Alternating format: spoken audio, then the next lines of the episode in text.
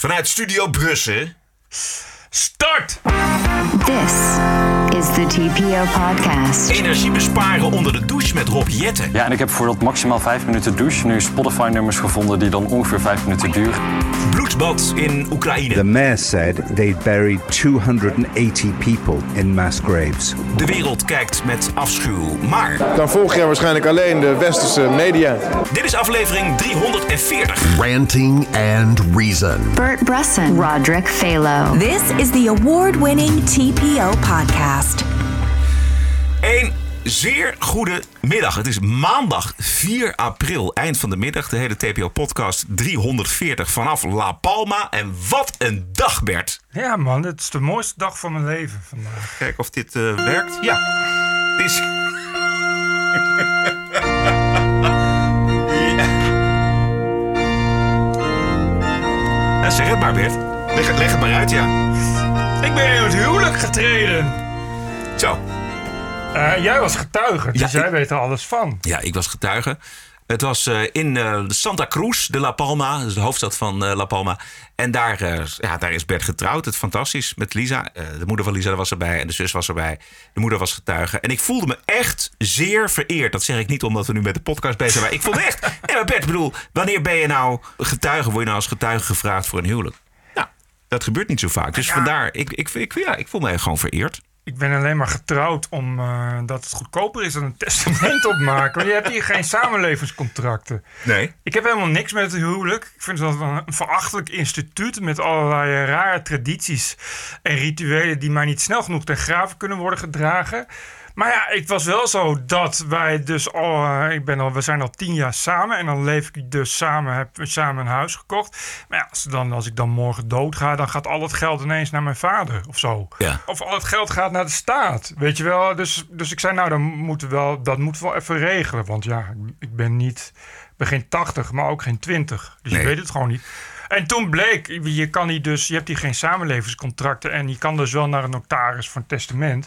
Maar dat is heel duur. En dit was een stuk goedkoper. Dus nou, dan kunnen we eens goed even gaan trouwen. Ja.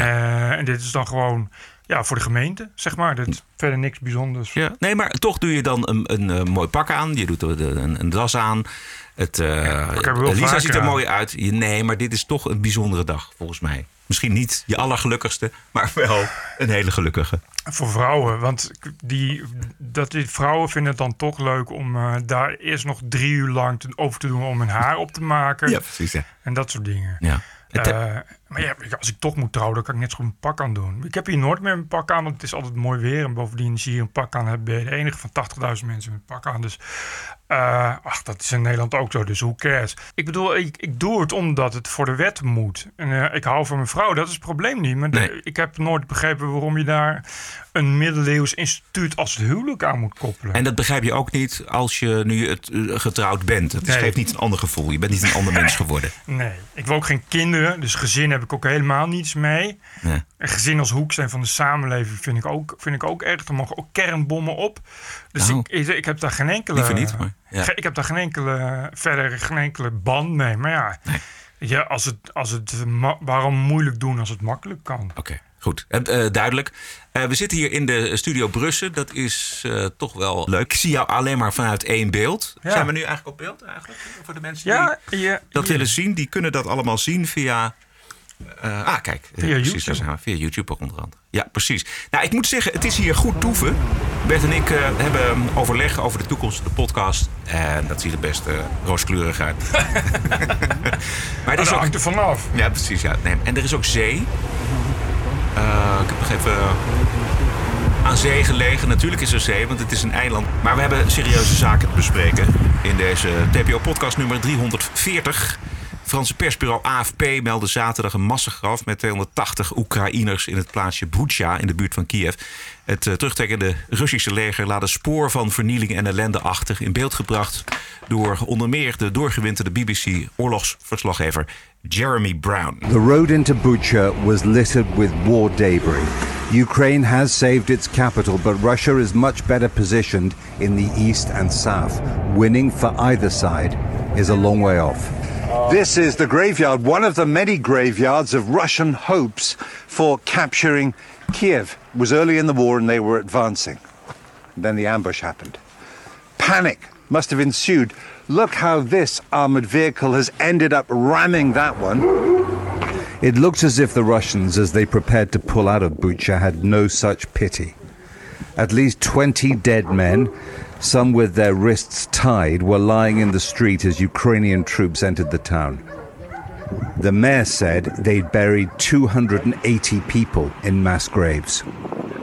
The Russians insist they never wanted to capture Kiev. The evidence is that they were stopped by more effective, determined Ukrainian troops. Ja. Indrukwekkend verslag van deze BBC-verslaggever... die ook nog de oorlog in Bosnië heeft eh, verslagen, kan ik mij nog herinneren. Onvoorstelbare beelden van eh, hele tankkolonnes in deze reportage. Kapotgeschoten door drones en antitankwapens. En de wraak van de Russen, 280 burgers lagen in, in een massagraf begraven... volgens de burgemeester van het, van het dorpje. Het houdt, eh, eh, denk ik ook logisch, het houdt de, de gemoederen enorm bezig. En wat je merkt, eh, vooral ook op social media en, en in, in de media, ook in de talkshows, is natuurlijk dat er. De, de vraag: is dit een gamechanger? Is dit. we hadden in, in Sarajevo hadden we het bombardement op de markt daar. Die leidde tot uiteindelijk tot NAVO ingrijpen. Er wordt weer geroepen om het NAVO ingrijpen. Mensen weten volgens mij niet zo goed wat ze daarmee uh, bedoelen. Het, het, het, is, het is een machteloos gevoel, dat begrijp ik wel.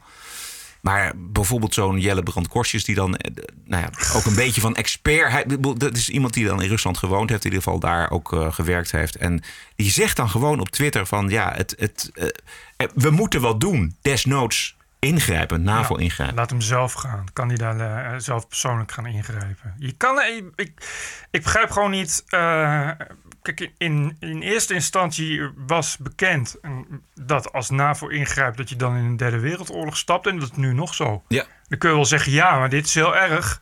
Ja, maar dan maakt het niet dat je dus nog minder een derde wereldoorlog instapt. Ja. Je kan niet dan ineens zeggen, ja, maar nu uh, is het anders. Ja, je kan het genocide noemen. En dat is prima. En dat is het misschien ook wel. Als je maar genoeg mensen hebt. Ik bedoel, massagraven liggen er niet om. De beelden liggen er ook niet om. Uh, maar dat betekent niet dat je dus iets kan doen. Op het moment dat je wel iets gaat doen, dan is dat dus de derde wereldoorlog. En ik vind al die mensen die dat zo dapper roepen. Ja, kijk, dat, ja, dat Jellebrand Kostjes fenomeen. Dat is toch, toch, toch uh, ook blij zijn met het feit dat je, dat je daardoor een soort Jezus wordt. Van dan gaan we er maar aan. Want we hebben in elk geval ons best gedaan. Ja. Als je dan ten, ten onder gaat in een nucleaire holocaust en je vel brandt eraf omdat er ineens een derde en een tweede en een derde zon op gaat, kun je in elk geval denken: Nou, we hebben toch onze menselijk beste beentje voortgezet ja. en we eindigen aan de goede kant van de geschiedenis. Maar ja, wat, wat de, heb die je geschiedenis, daar? precies, die geschiedenis is er dan niet meer. Want uh, Nee, dit- precies. Zone betekent ook het einde van Oekraïne. Dus het, is, uh, maar het, heeft heel erg volgens mij te maken met dat machteloze gevoel. Terwijl we echt wel iets doen. De- we sturen wapens en, en trainingen en, en van alles en nog wat. Ik bedoel, dankzij al die westerse wapens weten de Oekraïners te overleven en weten ze uh, het tijd te keren. als je kijkt naar wat er in, in Kiev gebeurt. Ja, ik vind het ergerlijk. Ik, las ook nog een, lokale po- PvdA-politicus die zich zegt in te zetten namens de Partij van de Arbeid voor uw en mijn bestaanszekerheid. Maar wel twittert dat het riskeren van een kernoorlog het risico waard is. Maar dit is hoe, hoe kan dat niet? Het, het einde van de wereld, riskeren van het einde van de wereld is een risico waard. Weet je, waar, hoe, hoe, het probleem is dat die mensen gewoon niet, denk ik, gewoon niet snappen wat ze daarmee zeggen. Je kan niet zeggen, oh, maar het is een kernoorlog, dan zien we dan wel. Een kernoorlog is het einde van de wereld. Ja. Niet heel veel bommen nodig, überhaupt, eh, om, om, om, om daar inderdaad het einde van de wereld mee te bewerkstelligen. En één bom eh, is meteen tienduizenden doden. Je-. En dat, eh, ja, daar dat zijn de Oekraïners inmiddels- toch niet mee geholpen. Daar is niemand Nee, mee geholpen. dus- Daar zijn wij niet mee geholpen in Europa. Daar is de wereld niet mee geholpen. Dat is uitermate dom. Maar dus ook mensen als Piers Morgan. Dat is toch een, een gerespecteerd journalist uit, eh, uit het Verenigd Koninkrijk. Ja, Die roept dan dat we niet zo bang moeten zijn om militair in te grijpen. Ik, ik kan hem nog wel volgen. Weet je, ik kan hem wel denken van ja, we laten ons natuurlijk inderdaad afschrikken. Maar niet ten onrechte, denk ik dan. Nee. Dat is waar de hele assured mutual, mutual assured destruction Ja. uit bestaat. Dat je afschrikt. En het is niet zo eh, dat het op dit moment zo werkt. Maar je weet dat, dat eh, Rusland kernwapens heeft. En je weet ook dat die ze kunnen gaan gebruiken. Dit, is, dit, soort, dit soort moordpartijen is, dan weet je al wie je tegenover je hebt. Je weet dat degene die dit doet, die dit aanstuurt, die deze hele oorlog begonnen is, ook bereid is kernwapens in te zetten. Ja. Dat moet je nu toch wel, als je dat nog niet begreep, heb je het nu begrepen. Nu zie je dus wat er gebeurt als een dictator van het formaat Poetin, als die gaat doen wat hij wil. Nou, dat betekent dus pure moord. En dat betekent ook eh, dat hij ja, eigenlijk bezig is een oorlog uit te lokken, waarin hij graag wil dat wij, dat wij in die val stappen, zodat hij nog verder kan en nog verder kan moorden. En het probleem bij al deze mensen is dat ze, het ze niet lukt om te accepteren dat, je, dat de wereld en het bestaan soms hard is en dat je soms niets kunt doen anders dan toekijken. Ja. En dat, Ja. dat is gewoon soms niet anders. Ja. Ik moet ook denken aan eh, wat onder andere Rob de Wijk heeft gezegd. Eh, die horen we zo meteen ook nog over Ja, de enige- Eh, enige de- verstandige ja, vind ik ook, tegenwoordig Vind nog. ik ook. Maar wat je, die heeft ook gezegd, en dat, dat is ook het probleem bijvoorbeeld met de Baltische landen. Dat die Baltische landen, daar hebben we het volgens mij vorige week vrijdag ook over gehad. Die zijn zo slecht verdedigd. Ik bedoel, er is zo weinig conventionele wapens. Dat stel dat wij een no-fly zone instellen. Dat we dus rechtstreeks, NAVO rechtstreeks gevechten aangaan met de Russische luchtmacht. Dan wil dat misschien niet onmiddellijk een kernoorlog betekenen. Maar dat wil wel Nee. zeggen dat zij zeggen: oké, dan, is de, eh, dan is de NAVO in oorlog met ons. Nou, weet je wat we doen? We gaan gewoon dan de Baltische landen binnenvallen. Ja. En we, da- we hebben daar Dat- geen antwoord op. Want daar staan te weinig conventionele wapens. Dus, en en het, dan is de volgende stap al heel snel dat je eigenlijk alleen maar kunt terugslaan met kernwapens. Nou, wat sowieso, eh, wat Rusland wil, is oorlog. Ja. Juist, dat is wat Rusland wil, is, is, is de NAVO en vooral de Verenigde Staten in die oorlog trekken. En Rusland heeft niet zoveel. En als hij niks meer kan, dan gooit hij kernbommen. Dat is heel simpel, omdat hij graag wil, wil laten zien dat hij daartoe bereid is. Dat is ook wat de Russen willen laten zien. En voor Russen geldt dat ze, eh, nou, dat veel meer vinden dan dat wij dat vinden, dan, dan maar sterven. In, maar in elk geval gaan we dan strijden ten onder. Ja. Maar ja, ik heb daar helemaal geen zin in. En de meeste Europeanen hebben daar helemaal geen zin in. Nee. En dan kun je wel zeggen, ja, het is allemaal heel verschrikkelijk wat er gebeurt. En dat is ook zo. Maar dat is wel wel een beetje hypocriet. Want er zijn ongeveer 100.000 plekken in de wereld waar dit elke dag gebeurt. Ja. Waar ook niets gebeurt. Ik kan me niet herinneren dat de Jellebrand Kostjes en de PvdA woordvoerdertjes en eh, weet ik veel wat voor deugentjes met een vlaggetje en een Twitter eh, zo druk bezig waren toen er 1 miljoen toetsies werden afgeslacht met kapmessen. Ja. Ik kan me niet herinneren dat die mensen hebben gezegd: Oh, dan moeten we de NAVO op afsturen. En eh, desnoods halen we heel Afrika op ons dak en laten we ons bombarderen. Toen hoorden we ze niet. En dat is bij alle conflicten zo. Hè. Bij Syrië er zijn 150.000 burgers gebombardeerd met vatbommen en gemarteld. En toen het martelen en het bombarderen met vatbommen ophield, werden ze eh, verkracht en afgeslacht door ISIS. Er was niemand die zei: Oh, dan moeten we met z'n allen naartoe gaan. En dan moeten we de desnoods de dienstplicht invoeren. En dan moeten we dan maar heel veel soldaten heen, eh, heen sturen. En desnoods steken we de lont in het kruidvat in het Midden-Oosten aan. Niemand zei dat. Nu is ineens Oekraïne. En dat zijn allemaal leuke mensen met blauwe ogen en blonde haren. Desnoods eh, riskeren we de derde wereldoorlog. Onvoorstelbaar. Overigens, hoe Poetin zich manifesteert met die oorlogen aan de randen van Rusland, met dat enorme geweld. De verwijzingen naar de Tweede Wereldoorlog, de nazi's. Ook het uitschakelen, de vergiftiging van politieke tegenstanders. Eh, dat is een rode draad in de geschiedenis van Rusland. Ik heb de afgelopen dagen gelezen. eh, Belaagd Paradijs, eh, geschiedenis van Georgië, eh, van Mark Jansen. Mark Jansen heeft ook het boek geschreven Grensland over Oekraïne.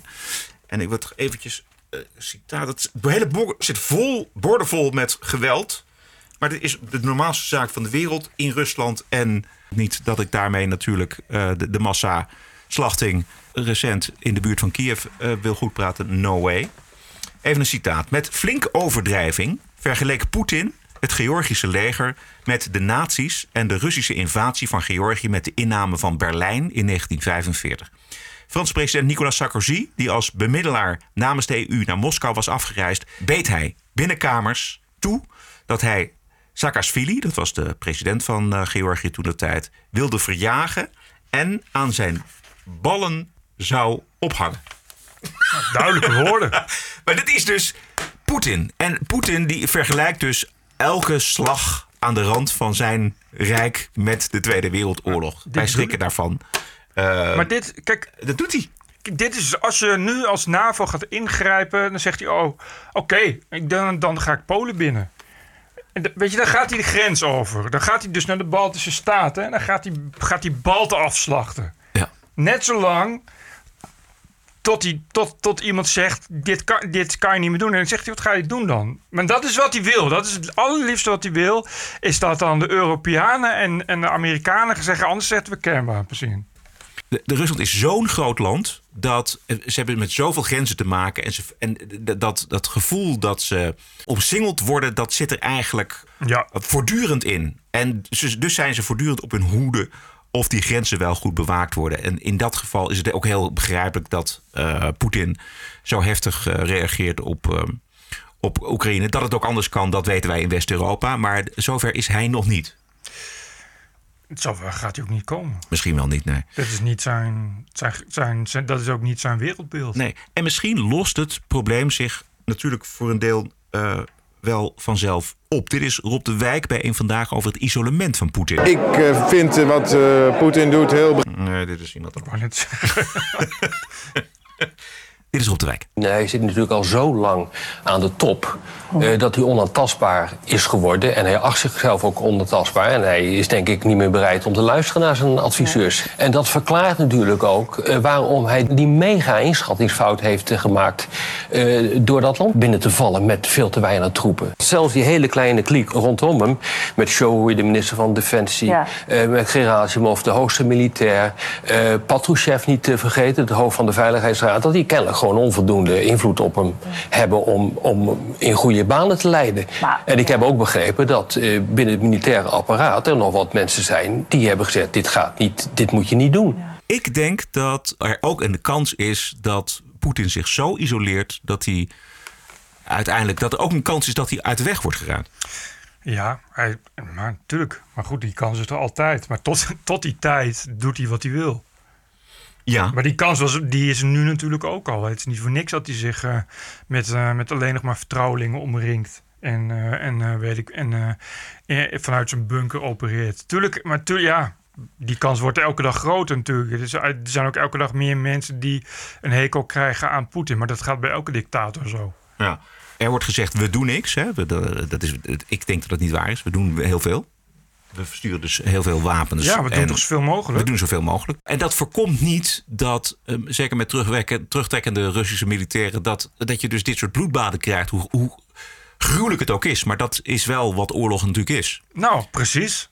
En dat is precies, maar hier raak je de kern. Dat is nou voor, voor, voor, voor die kleffe deugridders als Jellebrand Kostjes... is dat nou precies waar het om gaat. Zodat je kunt laten zien hoe je daar als een soort nieuwe herboren Jezus... nog eens extra over kunt jammeren. Elke keer dat er iemand sterft, scheuren ze een hemd aan stukken... en strooien ze as op hun hoofd. En dat doen ze vooral op Twitter en vooral op, op media die veel worden bekeken. Zeggen ze, oh, zo verschrikkelijk. Verschrikkelijk, al het leed in de wereld moet worden opgelost. Ah, Weet je, voor wat? Omdat ze willen laten zien hoe ontzettend ze deugen. Nou is dat bij de familie Brand Kostius. Zit dat in de genen?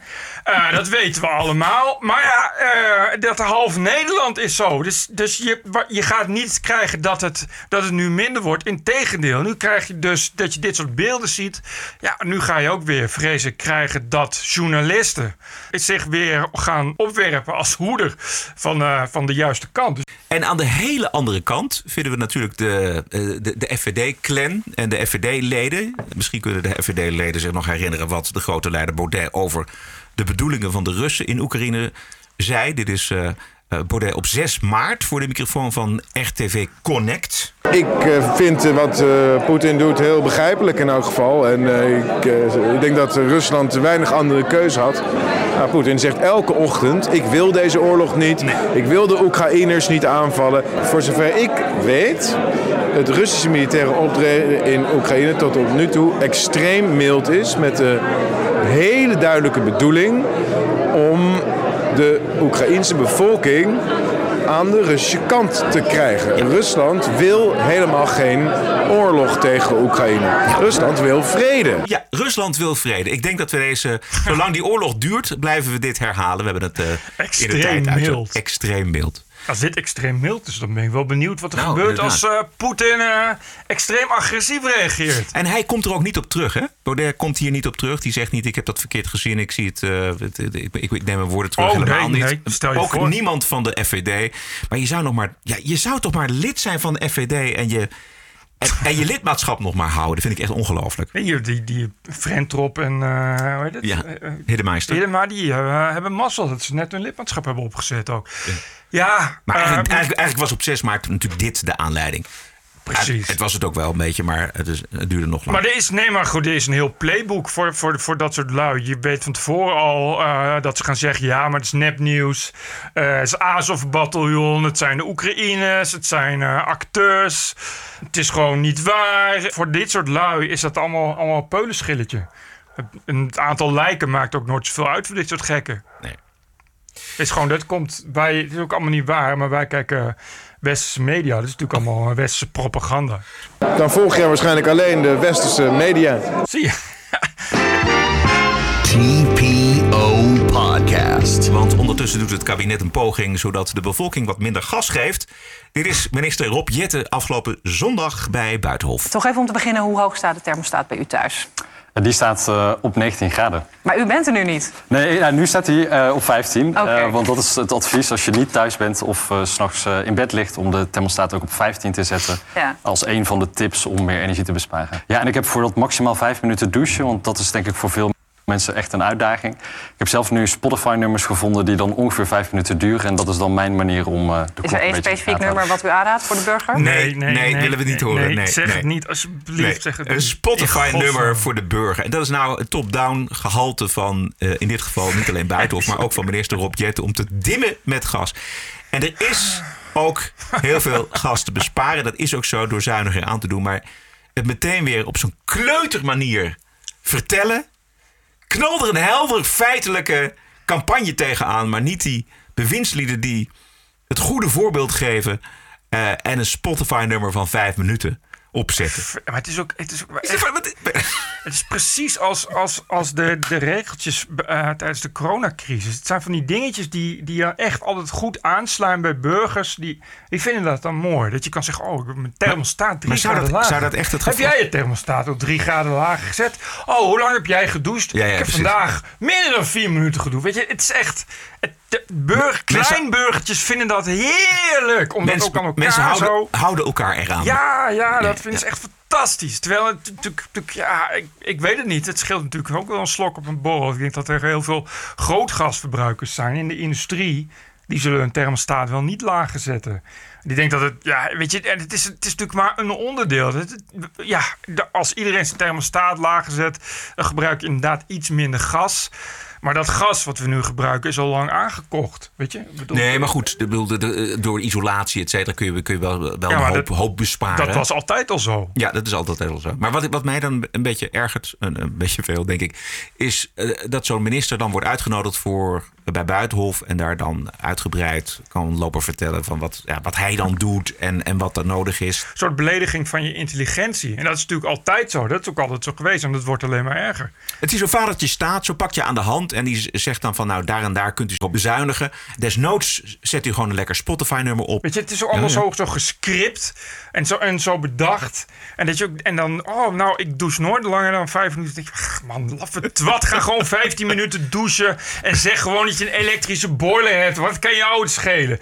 En je weet natuurlijk dat die, dat die hele Rob Jetten thuis zes badkamers heeft en een extra stoomcabine. Dat is natuurlijk altijd zo. Natuurlijk, natuurlijk staat zijn thermostaat nu niet op 15. Weet je, natuurlijk, eh, natuurlijk staat, staat, eh, gaat hij niet echt drie minuten. Dat is hetzelfde als, als van, van die brave types die dan zeggen: Oh, download nooit illegale film. Vind ik zo erg voor de makers. Makers moeten er ook van leven. Ja, tuurlijk, dat vind ik ook. Maar als het nergens te koop is en je weet dat nou, misschien alleen die, die, die, dat soort types als Tim Kuik eh, na dat iedereen dat wel eens doet. Weet je wel? En, de- en Rob Jetter rijdt ook wel eens door rood. En steekt ook wel eens tuin de straat over, straat over. Dus die doucht heus wel langer dan vijf minuten. Ik geloof dat dat mijn grootste ergernis is. Is dat, eh, dat hij zich voorstelt als, als de braverik, de braafste van de klas. En dat dat dan als voorbeeld moet dienen voor ons allemaal. Precies. Dus kijk, mij is braaf zijn. Zo moet het eigenlijk.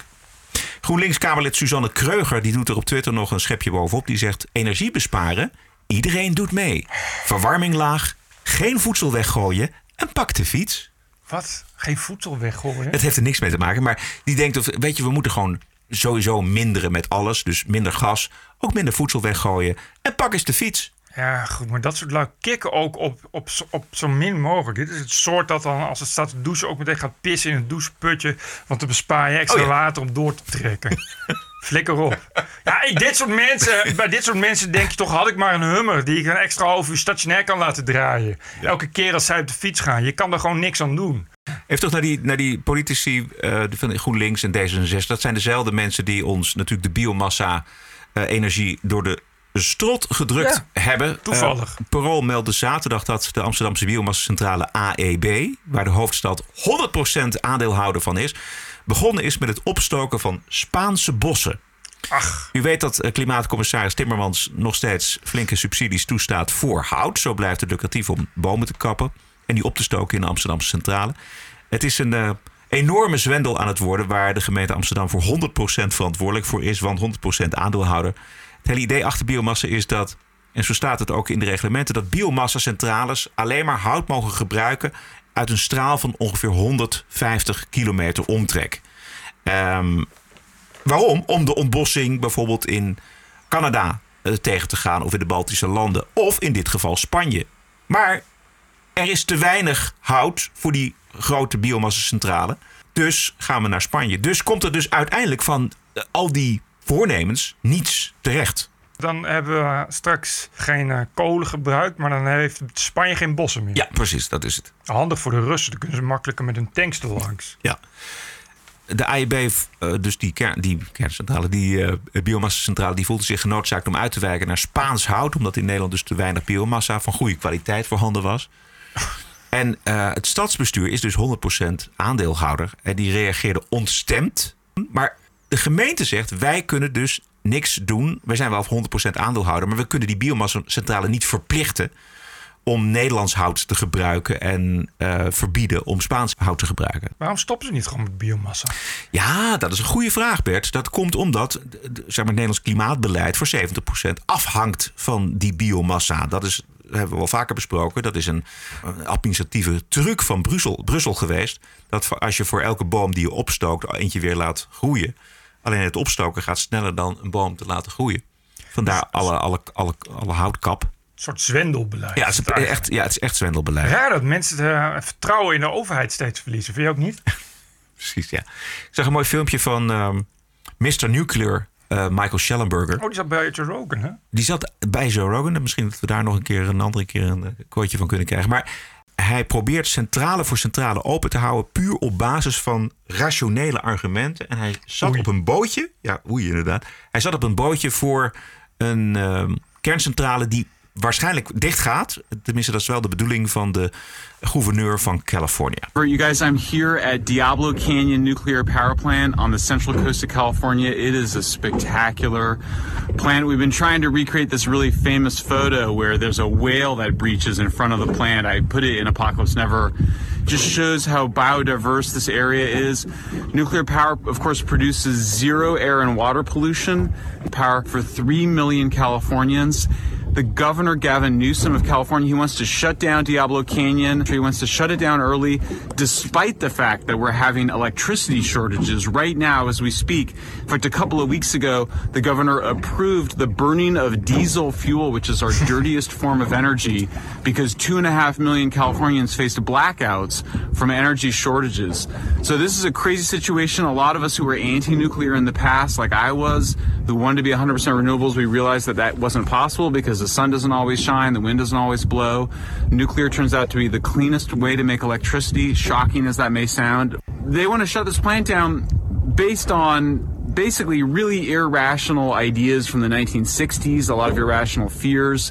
There's also powerful financial interests that stand to make a lot of money, both renewable and natural gas interests. We know that every time a nuclear plant closes, carbon emissions go up, air pollution goes up.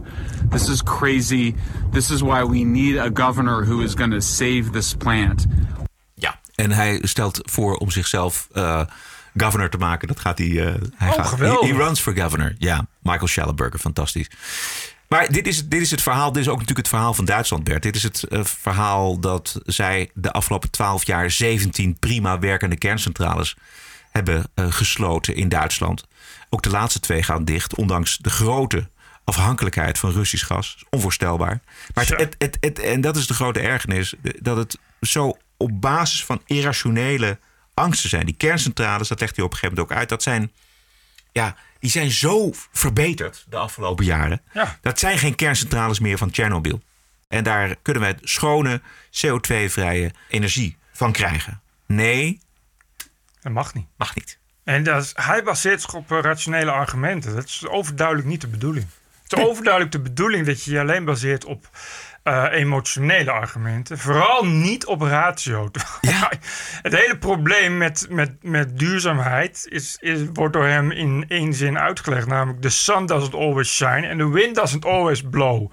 Dat is echt, echt de, pro, de problem, de Ja, problem with it in eh, 101. Ja, en dat betekent dus, en daar hoor je dus nooit ook geen Jette over. En daar, bij GroenLinks hoor je, daar hoor je niemand over. Dat als je dus hoe meer wind en hoe meer eh, zonne-energie je gebruikt, omdat ze onbetrouwbaar zijn, heb je altijd een achtervang nodig. Juist. En die achtervang is altijd gas of kolen. Of biomassa. Of biomassa, precies. Maar hoe dan ook heb je die, die achtervang, eh, achtervang Ja, nodig. precies. Want je, bedoel, een, een ziekenhuis zonder elektriciteit, dat kan niemand zich permitteren.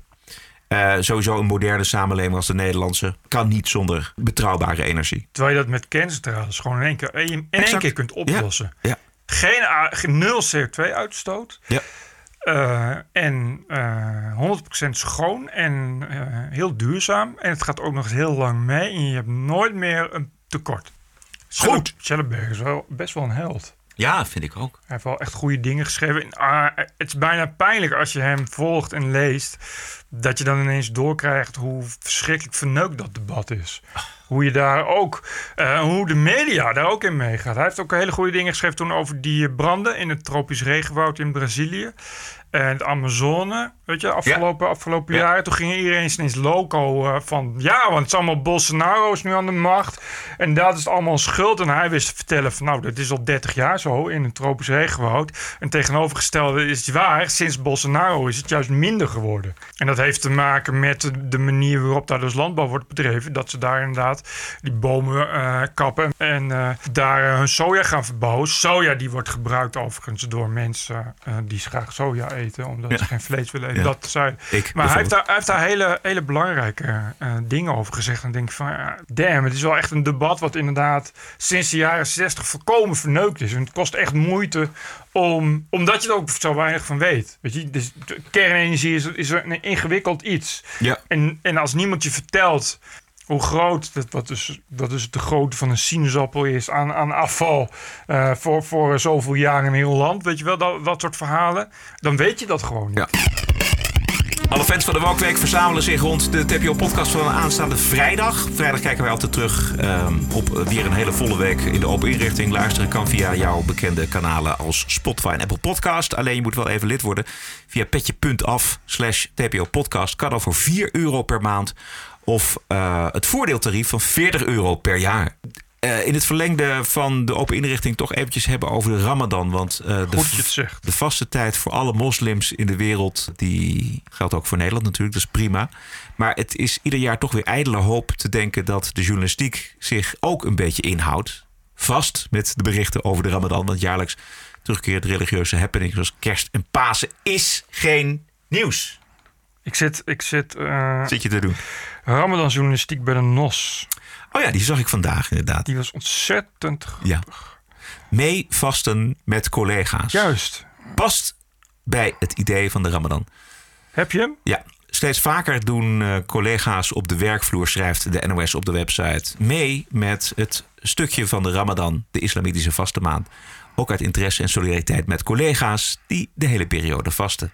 Het is ook een enorme longread. En er komen Enorm. allemaal mensen aan het woord die vertellen hoe fantastisch ze het vinden dat ze zo leuk spiritueel kunnen meedoen. Al dus Vanessa van de Wiel, partner bij advieskantoor PricewaterhouseCoopers. Dat organiseert een one-day fasting experience. Het bewustzijn rondom feestdagen buiten de christelijke kalender groeit maatschappelijk gezien. Dus ook bij mij. Nou, dat snap ik wel eh, van de Wiel. Dan groeit dat ook bij jou, dat bewustzijn. Daarom doe ik juist dit jaar graag mee. Bla, bla, bla. Het is echt Doos verschrikkelijk. met, doos met dadels. Het is, het is inderdaad verschrikkelijk. Ik zag...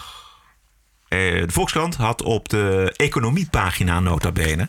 de ramadan gecombineerd met de inflatie. En de kop was... Ik hoor iedereen zeggen... de ramadan is duur dit jaar. Die 12% prijsstijging raakt iedereen. Maar de Volkskrant die zocht nog een invalshoek. Eh, een haakje heet dat onder de journo's. Ja. En eh, je weet precies hoe dat op de redactie gaat. Hè? Kunnen Ja. we niet van de inflatie een Ramadan onderwerp maken? Ramadan prima. Net zo goed als kerst en als paas. Allemaal prima. Maar de Nederlandse journalistiek die voelt zich ieder jaar weer geroepen Maar dat- om daar iets van te maken. Het verschrikkelijke gesop daarop. Man, dat is echt een collectief klaarkomen elk jaar weer, want het is weer Ramadan. Kijk, ons is ontzettend blij ons uit de naad werken dat we die schattige, lieve, exotische moslimpjes, hoe we toch zien dat zij zo'n mooi spiritueel ritueel, hoe mooi we dat beschrijven. Het is niet te harde. Het is geen onderwerp voor de journalistiek. En Ga, stop er gewoon mee. kappen ermee. Bedoel, wij Laat zijn... die mensen lekker Ramadan Juist. vieren. Maar wat, hebben, wat hebben, heb je daar verder mee te maken? Wat Oh, is jongen, het het is voor, die is vreselijk. daarvoor? En wij zijn niet de enige die zich, die zich daaraan ergeren. Ieder jaar opnieuw. Oud-Volkskrant-redacteur Paul Bril, die ergert zich ook groen en geel. Eh, op Twitter zegt hij... De integratie van moslims in Nederland zal pas enigszins geslaagd zijn...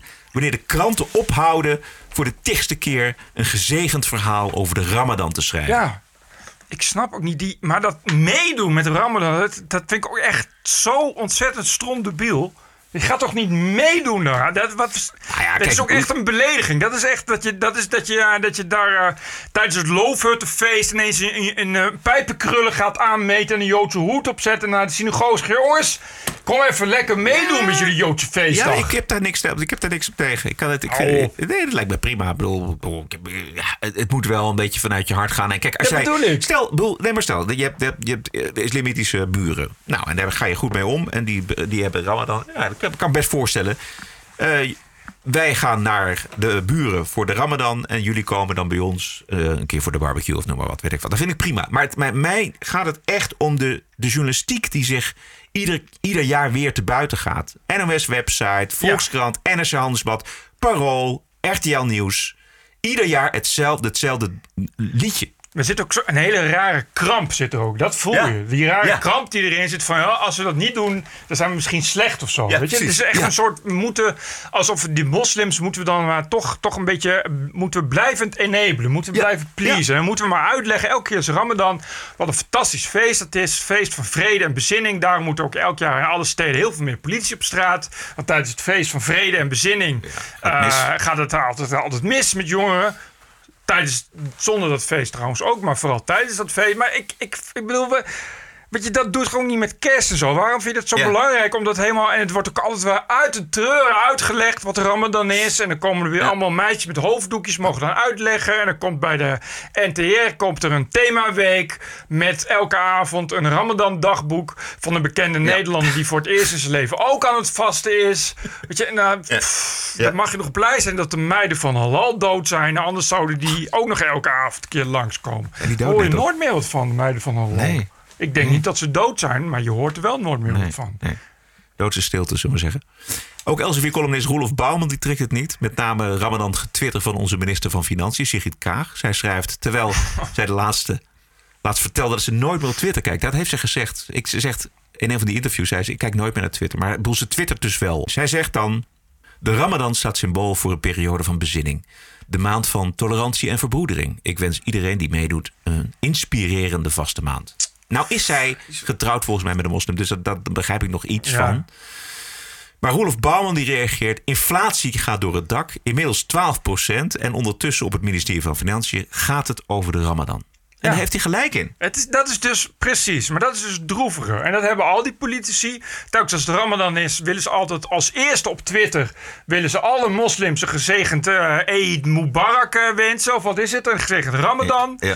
Eh, en, dan, en dan denk je, ja, leuk. Maar ga je dan nu, nadat je die moslims voor de zoveelste keer zo gezellig Ramadan hebt gewend, ga je dan nu iets aan de toeslagaffaire doen? Of blijft het gewoon weer, ook weer deze keer bij niet verder komen dan moslims een gezegend Ramadan wensen? Ja. Ga gewoon aan je werk. In plaats van de hele tijd laten zien dat je, dat je, dat je het leuk vindt om moslims nog maar eens een keer een hart in de riem te steken. Want dat gebeurt nou echt nooit in Nederland dat moslims een hart onder de riem wordt gestoken. Pieter Omzicht ook, die ergert zich ook eh, groen en geel aan Kaag op Twitter. Eh, hij zegt het gaat over gelijkheid, tot abortus, tot ramadan.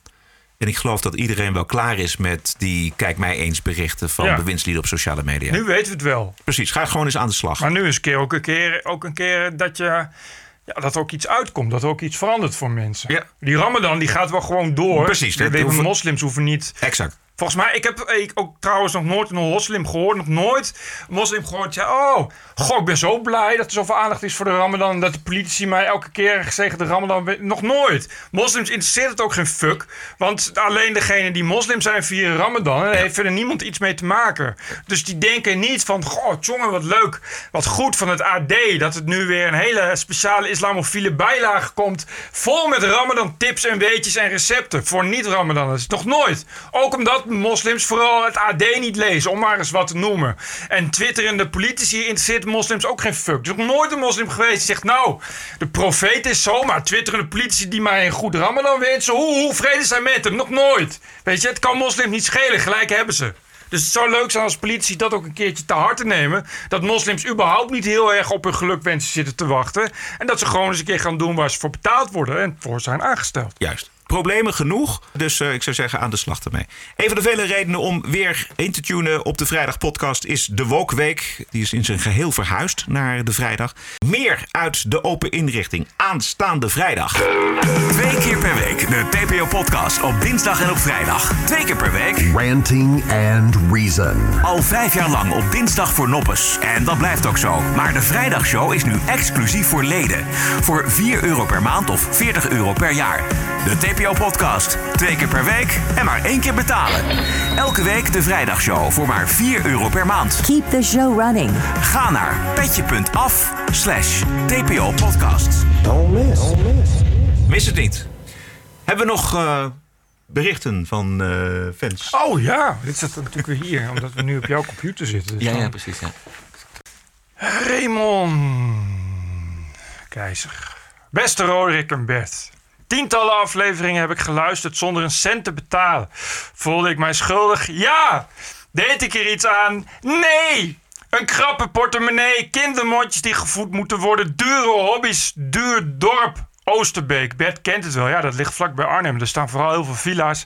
Voor alles maakte ik mijzelf wijs. Om mezelf er maar van te overtuigen dat ik niet hoefde te betalen. Na weken baad het in het zweet wakker te worden van de stem van Bertie in mijn oor. Melden! Melden! Ben ik eindelijk overstag gegaan. Ik verheug mij nu al op mijn nachtrust. Ga zo door, heren. Ik geniet wekelijks enorm van jullie show. Of ik het nou met jullie meningen eens ben of niet. Meestal wel overigens. Groeten, Raymond. Raymond Keizer, dankjewel. Superleuk. Eh, Johan. Johan Blauw. Ik zou graag melden dat levensgenieter, filantroop en bijzondere verhalen vertellen. De afschuwelijke Ronald Ai zich bij deze aanmeldt voor jullie fantastische podcast. Melden! Ronald, melden. Hij leest altijd de trouw. Maar zijn ogen werden geopend. Vooral de Wokweek verbuisterde deze simpele ziel helemaal. Dat was Johan Blauw die even Ronald Ai erbij lapt. Geert van Daal uit Veldhoven.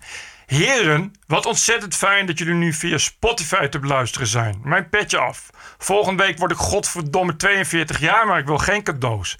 Iedereen die me toch een cadeautje wil geven, krijgt een donatie aan TPO. Nou, ik hoop dat veel mensen hem dan een cadeautje gaan geven.